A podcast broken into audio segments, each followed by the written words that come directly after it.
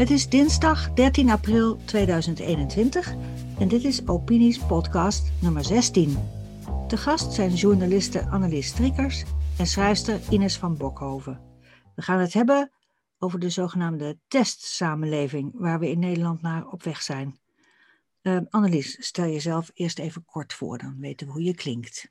Nou, hoi, ik ben Annelies, uh, ja, journalist. Ik heb mijn uh, ja, journalistieke passie hervonden eigenlijk tijdens de uh, coronasituatie van het afgelopen jaar.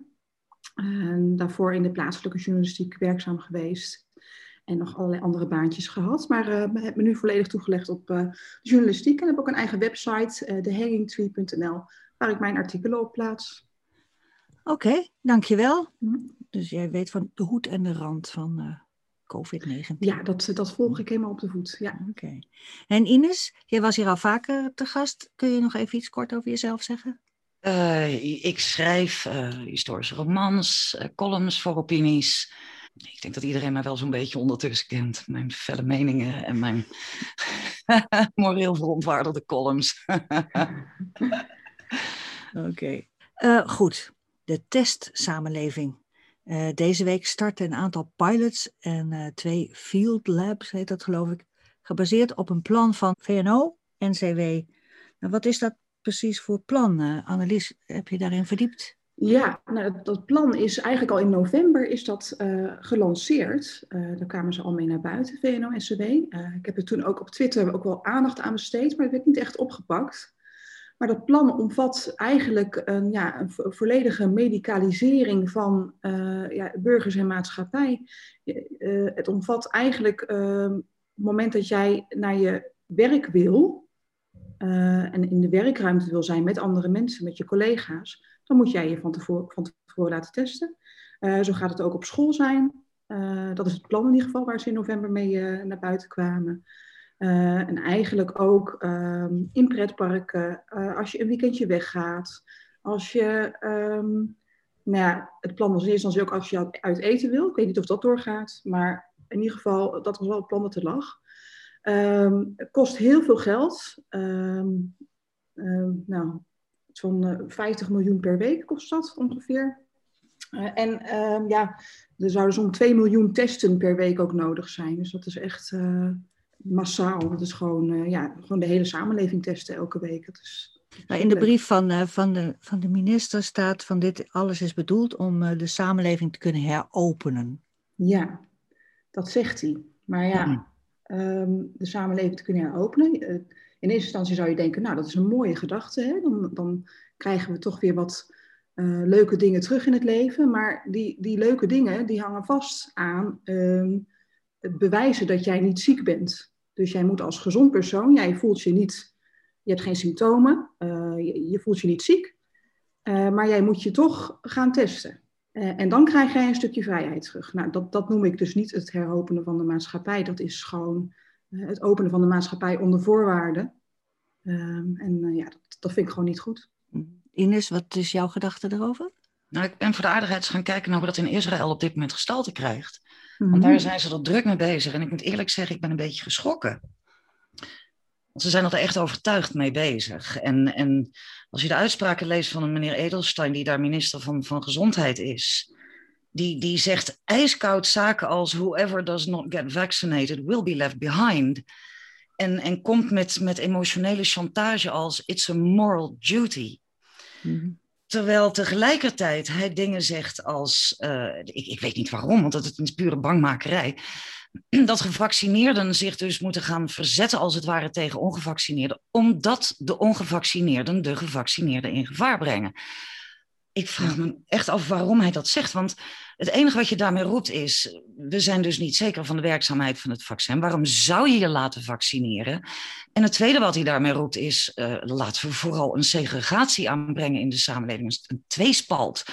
Mhm. Gebaseerd op die, die, wat ze dan daar noemen een green pass. Want dat, dat is daar je proof of vaccination. Maar jij gaat al een stapje verder. Hè? Je hebt het al over vaccineren, terwijl uh, in de brief hebben we het over testen. Hè? Over testen inderdaad in eerste mhm. instantie. Maar het, ik, het lijkt mij dat dat zwaar aan elkaar vasthangt. Dat, ja. dat, dat gaat zwaar aan elkaar vasthangen. Dat, dat is heel duidelijk. Er wordt zo meteen een, een, een segregatie aangebracht van de, de, de, samenleving die de rest van de samenleving gaat dwingen bepaalde. Nee, het, het gaat me mijlen te ver allemaal. Ja, nou, en die testsamenleving is eigenlijk de eerste stap. Precies. Want uh, de EU heeft ook al de, de, de Green Certificate gelanceerd. Hè? Dat uh, per juni dan ja, uh, in gebruik genomen moet worden. Nou, dat lijkt gewoon heel erg op wat ze daar in Israël hebben, de Green Pass dat noemen ze dus in de EU de Green Certificate, waar dus ook jouw testgegevens op komen, maar ook jouw uh, vaccinatiegegevens. Mhm. Eigenlijk, het, het, medisch geheim is eigenlijk uh, gewoon weg. Mm um, ja, het, het, het, loopt heel erg over in elkaar. En die testsamenleving is eigenlijk in eerste instantie om, um, ja, zolang die vaccinatiegraad nog niet hoog genoeg is, om uh, dan het land te heropenen. Zo noemt Hugo de Jonge dat ook. Ja.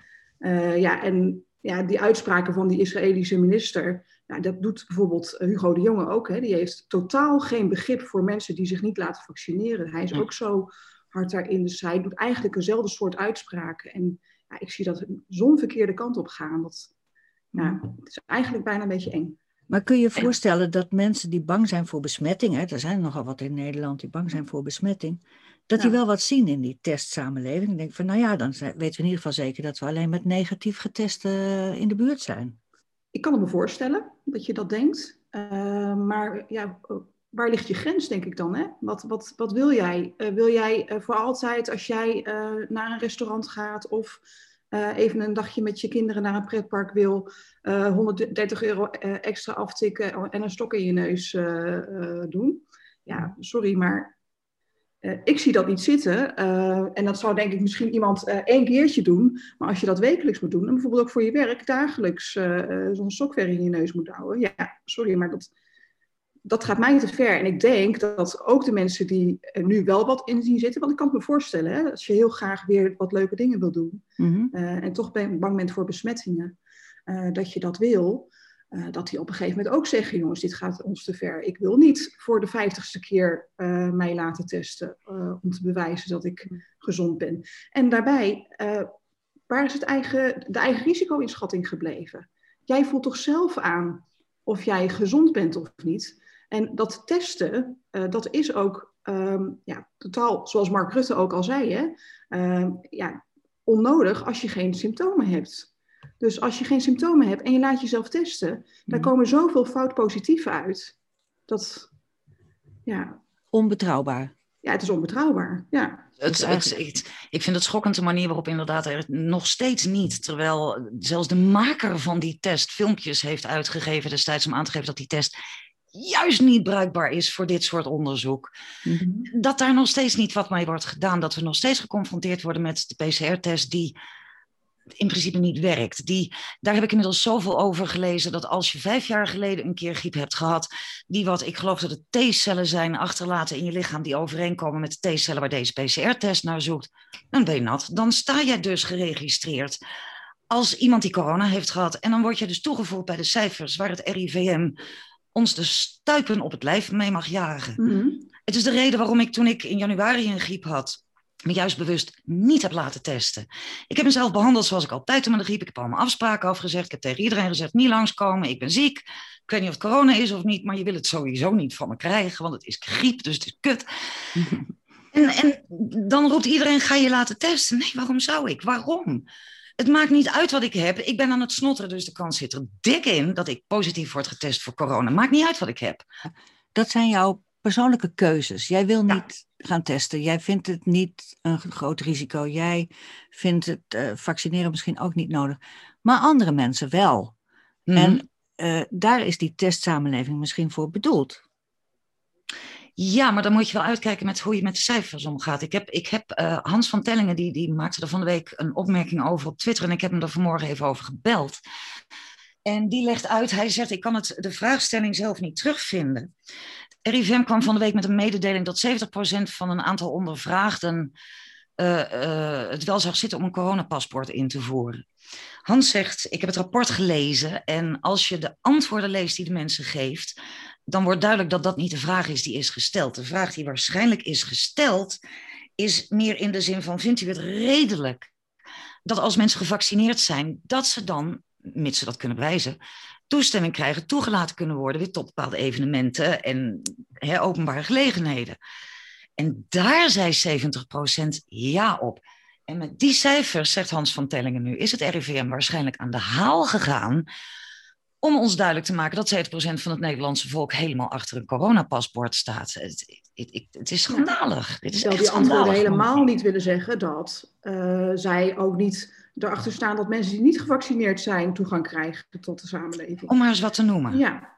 Het is een hele simpele, een, een, eenduidige, ja. maar smalle vraag is het. Ja, en ik wil ook nog even één ding noemen. Dat is die routekaart, coronamaatregelen. Mm. Um, nou, ik heb het in mijn artikel op Opinies heb ik dat ook al genoemd. Dat uh, die routekaart is, die eisen daarvan zijn zo streng. Um, als je op niveau waakzaam, dat is het laagste niveau, dan zijn er nog steeds uh, maatregelen van klacht, zoals uh, de mondkapjes, anderhalve meter, et cetera, et cetera. Als je op dat niveau belandt, moet je minder dan 35 positieve testen per week hebben per 100.000 inwoners in Nederland. Ja, en uh, minder dan vier ziekenhuisopnames met een positieve test dan per 1 miljoen inwoners. Maar dat is onhaalbaar. Dat is onhaalbaar. Dat, dat is letterlijk onhaalbaar. Niet. En helemaal niet als je zo'n testsamenleving aangaat. Want dan ga je dus ook mensen testen die geen symptomen hebben. Daar komen een heleboel vals positieven komen daaruit.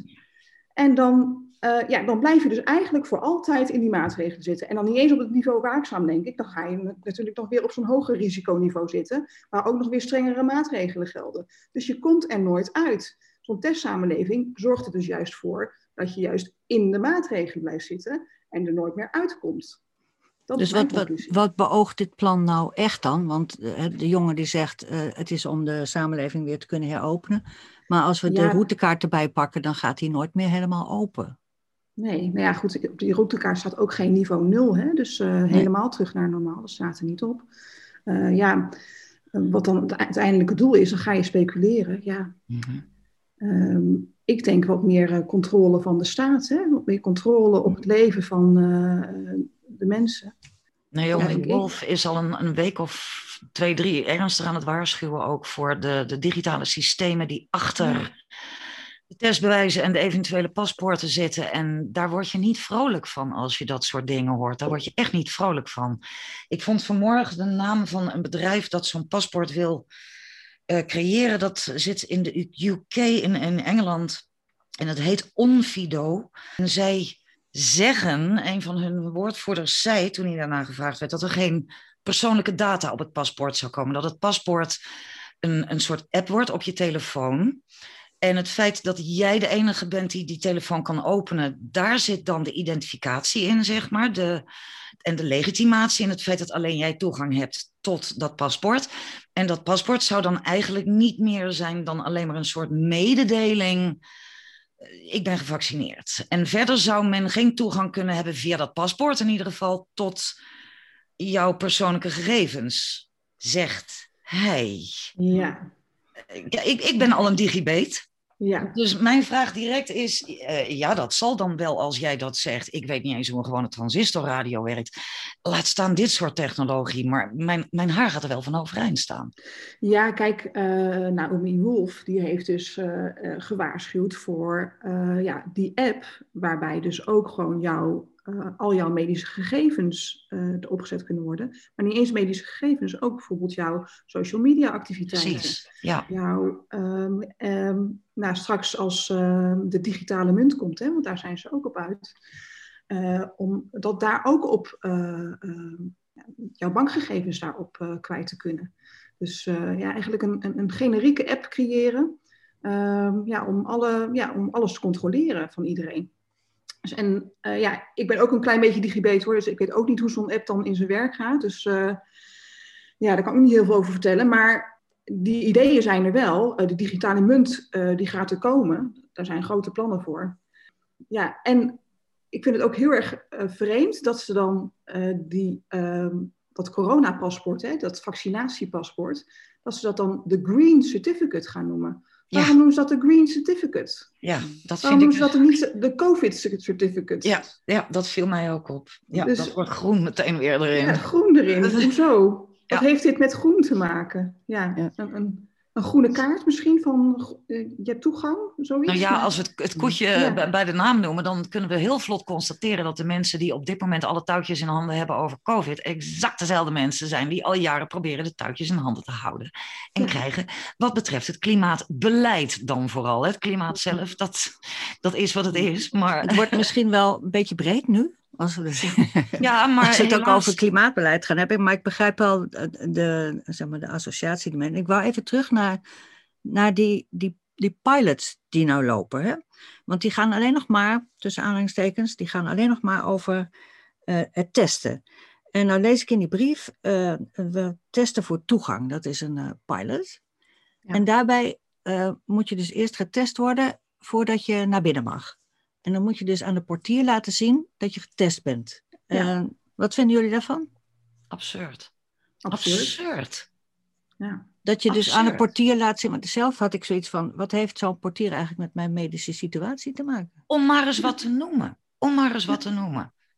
Ja, eh, jij, jij wordt dus geweigerd of toegelaten om jouw vermeende medische conditie. Ja, Ja. En Precies. dan is het dus alleen belangrijk of jij geen eh, deeltjes van COVID-19 in je systeem of, het virus SARS-CoV-2 in je systeem hebt. Mhm. Dat is dus het belangrijkste. Dat, dat, dan ben je dus blijkbaar gezond.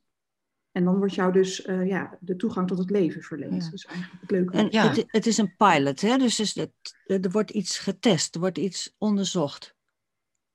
Ja, nou, ik denk dat wat, wat er getest wordt, is het systeem. Mhm. Want eh, zoals ik al zei, VNO-NCW is samen met het ministerie van eh, VWS al maandenlang bezig, al vanaf november, om dit systeem in werking eh, te laten treden. Dus, eh, en ook eh, om alles op zijn plek te zetten. Deze pilots zijn ervoor om dat systeem te testen. En per 1 mei, als de Kamer ermee instemt, dat dan, er wordt nog wel over gestemd, gaat de tijdelijke regeling testbewijzen gaat in. Waar, het dus, waar de overheid dus het verplicht kan stellen om dus toegangsbewijzen in te voeren. Dus dat is het testen van een, van een, een app, een systeem, eh, Ja. het gedrag van mensen misschien. Is het ook testen van de veiligheid? Ja, Ja, dat lijkt me dus Naar eerlijk mijn mening bijna niet. Nou, ik stel die vraag, Nee. maar ik wil hem eigenlijk zelf beantwoorden. Maar dat moet ik Ja. niet doen. Maar. Dat lijkt mij dus niet. Er is geen controlegroep volgens mij. Dat is een hele goeie. Dat is een hele is- goeie. Er is dus geen groep die dus Nee. zonder eh, toegangsbewijzen eh, ergens naar binnen Precies. mag. Dus, En ook de eh, maatregelen worden niet, zeg maar, die test voor toegang. Iedereen moet nog op anderhalve meter en met mondkapjes. Ja. En Het is ook- raar dat als jij dus negatief getest bent, dat je dan nog steeds anderhalve meter moet houden en mondkapjes Ja. op moet doen. Dat begrijp ik ook niet. Nee. Ja. Precies. En, en die Field Lab evenementen, er is al eens eerder eentje geweest, geloof ik met een voetbalwedstrijd of nog Mm. iets anders, een concert of zo. Dit, dit is fase 2. En er wordt gezegd, eh, werkt het systeem ook met grotere groepen? Maar daar worden geen eh, anderhalve meter en mondkapjes gebruikt. Ja, nou die field labs, ehm, ik kan me nog herinneren, Guido Weijers had een eh, voorstelling. En Guido Oh ja. Weijers had, had echt het idee dat daar de- dus echt wel de veiligheid getest werd. Dus, Mhm. dus ik- ja, die field labs zijn dan toch wel iets anders, denk ik. Maar die, test met die pilots met toegangsbewijzen, dat, dat heeft niks met veiligheid te maken. Dat is gewoon het uittesten van het systeem. Ja. Wat vind je Ja. dat wij daarmee moeten doen als gewone burgers? Ik vind, nou daar heb ik al toe opgeroepen, eh, dat wij de eh, organisaties die daar eh, medewerking aan verlenen, moeten aanschrijven. Jouw favoriete theater die dan hier in de stad daar medewerking aan verleent, aanschrijven van ik, ik ga nooit akkoord met een, eh, een testsamenleving en ook niet akkoord dat jullie daaraan meedoen. Eh, ik kom nooit meer bij jullie eh, op bezoek als jullie hieraan meedoen. En ik denk als genoeg mensen dat doen en die mensen aanschrijven, Ehm, ja, dat, dat theaters en pretparken en allerlei andere organisaties dat ook niet gaan doen. Want ja, de commercie wint natuurlijk. Hè? Mm. Eh, als de bezoekers wegblijven, dan dan heb je niks aan zo'n testsamenleving. En dan uh, gaan, gaan de pretparken echt daar niet mee door. Dat, ben ik Was het niet Efteling die gisteren al een statement uit heeft laten gaan dat ze uh, maar tot op zekere hoogte mee willen werken aan dit systeem. En, mm maar ook nog eens een keer zichzelf hebben aangeboden met, we hebben 65, 100.000, weet ik veel, hectare, in ieder geval een vrij groot terrein, waarin mensen juist goed verspreid buiten zouden kunnen zijn. En de Efteling eh, heeft gisteren ergens op zijn website een, een statement gemaakt die, die mij echt verbaasde, eerlijk gezegd. Nou, maar de Efteling heeft ook echt gigantisch veel uh, uh, ja, berichten gekregen van mensen die het er helemaal niet mee eens zijn. Hè? Honderden berichten. Ja, dus ja, ze moesten wel wat. ik denk dat heel veel organisaties zijn daar ingestald met een hele goede bedoeling. Van, oh, de samenleving kan zo een beetje open. En wij kunnen ook weer open op deze manier. Hè? Dus een beetje een naïeve houding. Ja. Uh, maar daar niet verder over nagedacht hebben. En dan zien ze, zien ze toch dat er uit de samenleving heel veel protest komt. Ja, en dan gaan ze dit soort statements maken, wat eigenlijk goed is. Dus, ja, dat is precies wat jij net zegt. De commercie doet dan zijn werk. Ja. En men, men ziet dat men dan wel de, de, de, de overheidsregels kan volgen, maar daarmee dus nog steeds geen inkomen gaat draaien. Dat, dat, Koude praktijk. Ja. De vraag maar gaat, is de samenleving, gaat de samenleving dan wel open? Nee, niet echt. Op, niet op deze manier. Dit, dit is geen open samenleving. Dit is, dit is een samenleving op afspraken en op voorwaarden. Dat je inderdaad uh, bij de Efteling, want daar hebben ze het wel over, dat ze dan goed kunnen registreren hoeveel gasten er per dag komen. Dat ze met een reserveringssysteem kunnen werken. Dus dat is geen open samenleving. Dat is een, een samenleving die tot in de kleinste details gepland moet worden vanwege de overheidsregels. Daar is niks open aan. Dat, mm dat, het is een voorwaardelijke samenleving. Gaat hij dan nooit meer open? Ja, dat is een goede vraag. Nou, ik ben ervan overtuigd dat als we blijven testen, dat hij nooit meer open gaat. Nee, dat is... Dat, dat is ja. Dus dit is een point of no return, zeg maar? Ja, uh, als we hiermee doorgaan op deze manier, dus dat intensieve testen, dat intensieve testbeleid, wat we nu ook al hebben eigenlijk, uh, dan, dan gaat het nooit meer open. Want, uh, we houden die uh, corona-routekaart op die manier zoals die nu is. Dan, uh, ja, zitten wij in een visueuze cirkel, waarin dan misschien in de zomertijd, hè, als uh, iedereen geniet van de zon en de, de besmettingen tussen aanhalingstekens minder zijn, het deels een beetje open kan. Maar dan begin je in de herfst begin je gewoon weer opnieuw. Ja, de grote vraag in mijn optiek is vooral, wat kun je als samenleving eisen van de individuele deelnemers binnen die samenleving. Heb je het recht als samenleving te eisen uh, dat ik me moet laten inenten, moet laten vaccineren, omdat mijn buurvrouw bang is? Heeft zij dat recht? Heeft een samenleving dat recht om over mijn lichaam te beschikken, omdat ik naast een individu ook nog eens een keer een deelnemer ben in een collectief? Ik bedoel, dat kun je niet ontkennen, dat is zo. En de mhm. rimpels die elk individu maakt, heeft gevolgen voor het collectief. Als ik nu mijn stereo keihard zet, heeft mijn buurvrouw daar last van. Weet je wat, dat soort dingen. Dus zij heeft op zo'n moment het recht om in te grijpen, naar mij toe te stappen en te zeggen: stop met die herrie, want anders wil ik hulp. Politie, en die komt mij dan dwingen en noem maar op. Dus we hebben als, als collectief altijd wel voor het welzijn van dat collectief een bepaalde mate waarin wij het recht hebben in te grijpen in het leven van de mensen om ons heen. Om onszelf te beschermen voor de gevolgen. Maar in hoeverre heeft een samenleving het recht te tornen aan het zelfbeschikkingsrecht dat een mm. mens heeft over zijn lichaam en zijn geest. Want die grens zijn we nu echt aan het naderen en ik maak me daar razend bezorgd over. Dat, dat, dat, dat, dat, kan echt niet, dit. Mm-hmm. Vooral dat dit dus discussie debatloos gebeurt. Dat alle ogen gericht zijn op de cijfers en niet op het emotionele effect van deze crisis, het psychische effect van deze crisis. Ethisch. Het ethische effect, hele goede van deze crisis het wordt allemaal niet besproken. Ik, ik heb vanmorgen wat promofilmpjes gezien van wat bedrijven en, en overheidsinstanties die ons dan proberen warm te krijgen voor zo'n paspoort. En dan haken ze in op de bezwaren. Maar zou het dan niet een of andere segregatie in de samenleving? En dan krijg je het antwoord erop: nee, want. En dan komen er één of twee luchtige zinnetjes, ping, pong, pong zijn die bezwaren even met een of andere algemene sussende opmerking van tafel gemikt.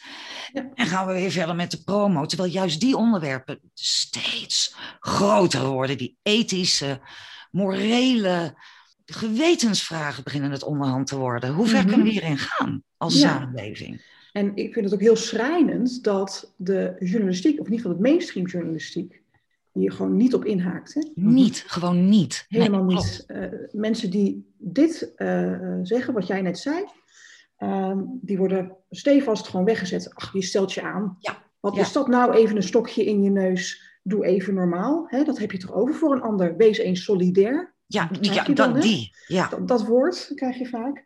Eh, ja, en de journalistiek laat zijn taak gewoon echt liggen. Ongelooflijk. Eh, ja, de macht controleren, dat, dat doen ze niet meer. Nou ja, Eh, wat- wat- laatste jaar niet. Vanochtend was er, eh, of vanmiddag eh, kwam er naar buiten een, verhaal van eh, Follow the Money.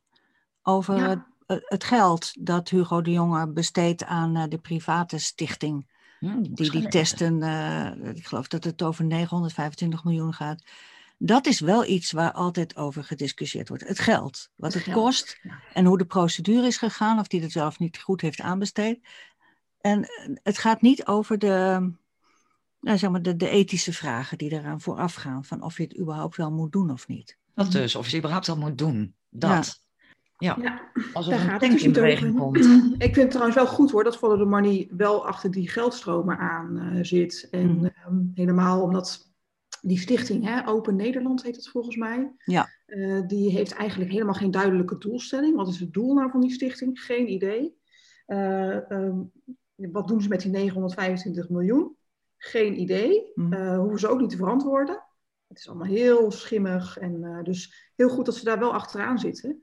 Eh, maar ja, ehm, ja, Follow the Money, ja, zo, zo heten ze natuurlijk ook. Hè? Dus ik denk dat dat Ja. een oorzaak is. Maar ja, ik denk ook dat, dat er een, een, onderzoeksjournalistiek programma eens een keertje achter die ethische vraagstukken aan moet gaan. Dat, daar hebben ze nu al een, ruim een jaar de tijd voor gehad. En ze doen het niet. Nee, je krijgt op zijn best in de Volkskrant wat verhalen over dat jongeren toch wel een beetje depressiever zijn dan normaal. Dat soort verhalen krijg je dan zo af en toe eens een keer in de zaterdagsbijlage, weet je wel, voor de geïnteresseerde lezer. Maar er is niet één journalistiek medium op dit moment dat inderdaad aan de bel trekt over wat doet dit ophokken met ons en wat doet het feit dat we geen uitzicht hebben. Er is, kijk, als je weet het duurt nog twee weken of het duurt nog drie maanden, kun je hak in het zand zetten, kun je naartoe werken. Maar dit kan even goed nog twee weken duren, als nog twee jaar. Als, mis- misschien gaat het wel nooit meer weg. Niemand weet het. En dan, Mhm. er wordt totaal niet ingegaan op wat die onzekerheden met de mens doen. Waar, waar moeten we nou nog naar uitkijken op dit moment? Wat zijn de punten in ons leven? Hè, de, de, de, in het, wat in het vat zit, verzuurt niet. En al die clichés waar een mens zich mee door een leven sleurt. Want we gaan het weekend naar de Efteling en volgende week is oma Hans jarig. En niets meer om naar uit te kijken. Niets meer. En hoe lang gaat dat nog duren? En wat doet dat met mensen? Ja. Dat, het wordt totaal niet onderzocht. En als het onderzocht wordt, dan blijft zo'n onderzoek ergens achter, want niemand is erin geïnteresseerd. Het is verschrikkelijk. Ja, en eh, dan, krijg je, dan krijg je wel de, de, de grote vaccinatieshow. Hè? Gisteren ook weer op, eh, bij, eh, op 1, op de NPO. Nou, dat was, eh er zaten een aantal mensen, ik weet niet meer op de naam hoor, maar ik, ik, ik keek een stukje gisteren, want ik, ik kan er eigenlijk al niet meer naar kijken, Mhm. naar die talkshows. Maar toevallig zette ik er langs en ja, het enige wat ik hoorde was één grote reclamespot voor vaccinaties. Dat we ons van vooral moesten laten vaccineren. Da- Daar gaat het eigenlijk om. Hè? Dat is, eh, en eh, ze werden zo, eh Im- Emil Roemer zat er ook, volgens mij. En die zei dus dat je vaccineren met AstraZeneca, dat is gewoon hartstikke veilig. Hoef je helemaal niet zorgen om te maken. Je, je kunt nog eerder door de bliksem geraakt worden dan dat je wat gebeurt. Ja, Dat soort, die logica, ja. die logica komt eruit, ja. Ja, Nou, dus diezelfde vergelijking kun je gebruiken voor besmetting en eh, eh, overlijdingsrisico van eh, Nou, COVID. dat is grappig dat je Ja. het zegt. Ik heb vanmorgen mijn risico opgezocht. Hans die wees mij daarop in dat telefoongesprek. Er is een website die heet qcovid.org slash calculation. En daar kun je jezelf invullen. Ik ben zo groot, ik weeg zoveel, ik ben zo oud. Mhm. Dit zijn mijn aandoeningen. En dan berekent die website hoe groot jouw kans is dat jij aan corona komt te overlijden. Nou, ik ben een relatief gezonde vrouw van 54 jaar. Gefeliciteerd. Dankjewel. ik hoefde heel weinig aan te vinken in de zin van heeft u last van dit, dat of dat. En mijn kans om dood te gaan aan corona volgens deze website is 1 op de 21.739. Mhm. Oftewel, ik vermoed dat de kans dat ik door bliksem geraakt kan worden groter is dan dat ik kom te overlijden aan corona. Ik heb die cijfers niet opgezocht, maar ik weet dat er nogal wat mensen door de bliksem worden getroffen elk jaar. Ja, zo uh, voor mij is het dan nog uh, kleiner, denk ik. Uh, ja, waarschijnlijk wel, want je bent jonger. Dus ik waarschijnlijk. Ben 32 en ja. helemaal gezond en slank. Dus ja. nee. Waar Gewoon hebben wij het over? Ja. Serieus, de kans dat ik aan kanker kom te overlijden is honderden malen groter, duizenden waarschijnlijk, dan dat ik aan corona kom te overlijden. Ik, wil, ik gooi het er maar even in, gewoon ter overweging. Ja, en trouwens ook nog even terugkomend op die 925 miljoen die uh, Hugo de Jonge dan aan zo'n stichting uh, uitgeeft. Mm -hmm. um, van die 925 miljoen, daar kunnen uh, vijf ziekenhuizen van gebouwd worden. Nou, ja. dat zat ik dus vanmorgen ook te denken. Van dat geld hadden we het Slotervaart helemaal kunnen inrichten als corona-gespecialiseerd ziekenhuis. Ja. We hadden mensen ervoor kunnen trainen, mensen opnieuw laten intreden en bijtrainen, noem maar op. Wat een bedrag. We hebben het bijna over een miljard. Ik slikte ze wat, ik verslikte me wat in mijn tevenmoorden toen ik dat hoorde. Ja. Dat ik echt dacht van, voor dat geld hebben we niet eens een een Postbus 51 reclame uh, serie opgestart in de zin van mensen leven wat gezonder, vallen wat af, roken eens wat minder, slik wat meer vitamine D, maak u weerbaar tegen COVID. Niets is er gebeurd. En nu ineens is er bijna een miljard beschikbaar om ons allemaal te, in een keurslijf te dwingen. In een testsamenleving te storten, ja. Ik word daar helemaal naar van, echt waar. Sorry. Ja, dus laten we het even op een rijtje zetten. Uh, uh, wat nou het belangrijkste bezwaar is tegen de hele testsamenleving. Uh, Ines, jij hebt gezegd van het gaat om de lichamelijke integriteit. Dat gaat Absoluut. een stap te ver. Ja. En uh, Annelies, jij hebt gezegd het is medische apartheid. Dat heb je in je artikel gezet. Ja. Het wordt een soort tweedeling in de maatschappij tussen mensen die gezond zijn of die niet gezond zijn. Ik weet niet precies hoe ik dat moet zeggen. Zijn dat de belangrijkste bezwaren tegen dit hele testsamenleving? Ja. En die analyse eerder noemde, dat we er dus waarschijnlijk nooit meer uitkomen als we die route opgaan. Die, die vind ik ook heel belangrijk. Ja, Je komt er nooit uit. Je komt in een visuele cirkel naar beneden terecht. Een spiraal, een neerwaartse spiraal, waar je nooit meer uitkomt. Ja, ja. En, uh, ja. De, de overheid die beslist voor ons uh, wanneer de maatschappij weer open kan. Nou, ja. ik vind dat wij dat als maatschappij kunnen besluiten. Nou, dat wilde ik dus net zeggen. Ik geloof dat het tijd wordt dat wij ons dus bewust moeten gaan worden dat wij de maatschappij zijn en niet de overheid. Ja. En dat als wij als maatschappij dus zeggen, nu zijn we het zat, nu is het genoeg. Ik had het niet voor niks een tijdje terug in een column over dat plakkaat van verlatingen. Ik zeg niet dat we met z'n allen onze rug naar onze overheid toe moeten keren. Maar omdat iets een wet of een regel is, wil niet zeggen dat die wet of die regel deugt. Hè. Er is soms een reden om simpelweg te zeggen: nee, dat ga ik dus niet doen. Waarom? Omdat ik dat niet kan verenigen met mijn eigen logica, mijn eigen principes, mijn eigen geweten, wat dan ook.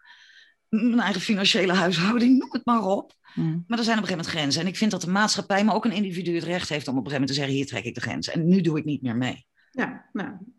En ik denk dat we het met z'n allen moeten gaan zeggen. Ja. Uh, en moeten beginnen bij die testsamenleving. Met z'n allen zeggen, hier doen wij niet aan mee. Absoluut. Mhm. Gewoon weigeren om aan mee te doen. Um, die pretparken blijven leeg, de theaters blijven leeg. Ja. Want wij komen gewoon niet als wij ons moeten testen uh, om naar binnen te mogen. Als, om, als wij moeten bewijzen dat wij gezond zijn. Mm dat, ja. Wij komen gewoon niet. En dat is al een hele goede eerste stap. Ja, hier trekken wij de grens. Ja, mens. Ja. Oké, zullen we het hierbij laten? Ik geloof dat we het allemaal wel gezegd Een mooie afsluiting zo. Ja, dit is een mooie afronding van... Uh, wij trekken in ieder geval uh, de grens hier. Ja. Um, ja, stop met het uh, testen. Het testen leidt tot niets. In elk geval niet tot de open samenleving. En dit is het moment om dat te gaan doen. Ja. Dat is wat jullie zeggen. Nou, heel goed. Heel hartelijk bedankt voor dit gesprek. Dat is interessant. We komen zeker nog regelmatig op terug, denk ik. Ook met jullie wel. Ook. Ja. Goed. Hartelijk bedankt. Gezellig. Tot gauw. Snel. hoi hoi. Dit was de podcast van Opiniescom. Opinies met een Z. Voor de nieuwste bijdragen en columns over politiek en maatschappij in binnen- en buitenland. Het is helemaal gratis